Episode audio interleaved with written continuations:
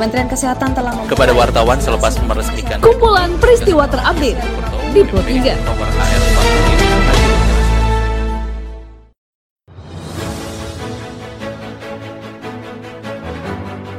Halo pendengar, saat ini Anda sedang mendengarkan kumpulan peristiwa Pro 3. Pada podcast kali ini saya akan mengulas terkait isu-isu aktual yang saat ini masih hangat atau ramai diperbincangkan di sekitar kita. Tentu saja pendengar, nanti akan saya hadirkan cuplikan informasi dari reporter kami. Bersama saya Karisma Rizky, inilah kumpulan peristiwa Pro 3 di ruang dengan podcast Anda. Pendengar, sebelum saya masuk dalam beberapa isu aktual yang akan saya hadirkan sesaat lagi, saya akan mengundang Anda untuk mampir ke laman berita kami di rri.co.id.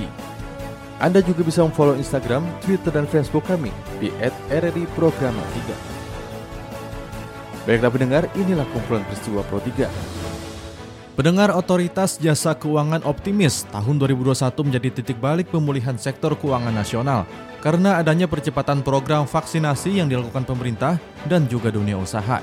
Dilaporkan Perdip Tarahadi, Berikut penjelasan Ketua Dewan Komisioner OJK, Wimbo Santoso. Di samping itu dampak negatif dari pandemi COVID-19 ini terhadap uh, industri keuangan non-bank ya juga ditunjukkan oleh kontraksi pendapatan operasional perusahaan ya sebesar 2,66 persen secara YoY selama 2020 dan ini jauh dari harapan kita sebelumnya dan juga ini jauh di bawah sebelum pandemi. Untuk itu 2021 ini kita harapkan sebagai titik pemulihan ekonomi kita dan juga sektor keuangan kita termasuk IKNP. Melihat lonjakan kasus positif COVID-19 beberapa waktu terakhir, Kementerian Perindustrian telah melakukan antisipasi serta koordinasi dengan pelaku usaha dan Asosiasi Gas Industri Indonesia untuk menyiapkan ketersediaan oksigen beserta tabungnya.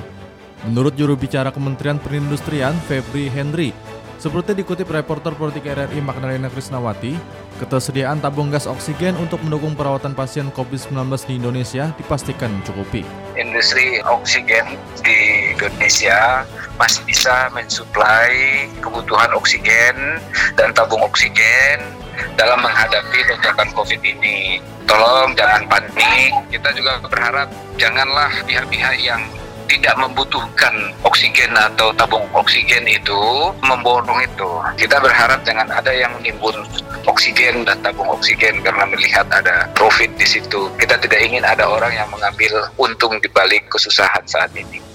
Rizik Sihab mengajukan banding atas vonis Pengadilan Negeri Jakarta Timur yang memberikan hukuman 4 tahun penjara dalam kasus penyebaran kabar bohong tes web virus COVID-19 di Rumah Sakit Umi Bogor, Jawa Barat. Dilaporkan Alfred Tuter berikut pernyataan Majelis Hakim Pengadilan Negeri Jakarta Timur.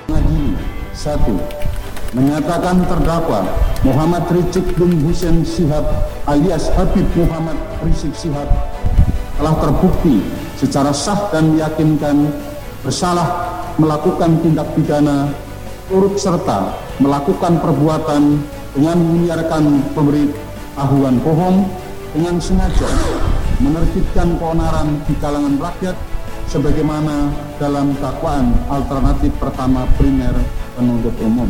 Dua, menjatuhkan pidana kepada terdakwa oleh karena itu dengan pidana penjara selama empat tahun.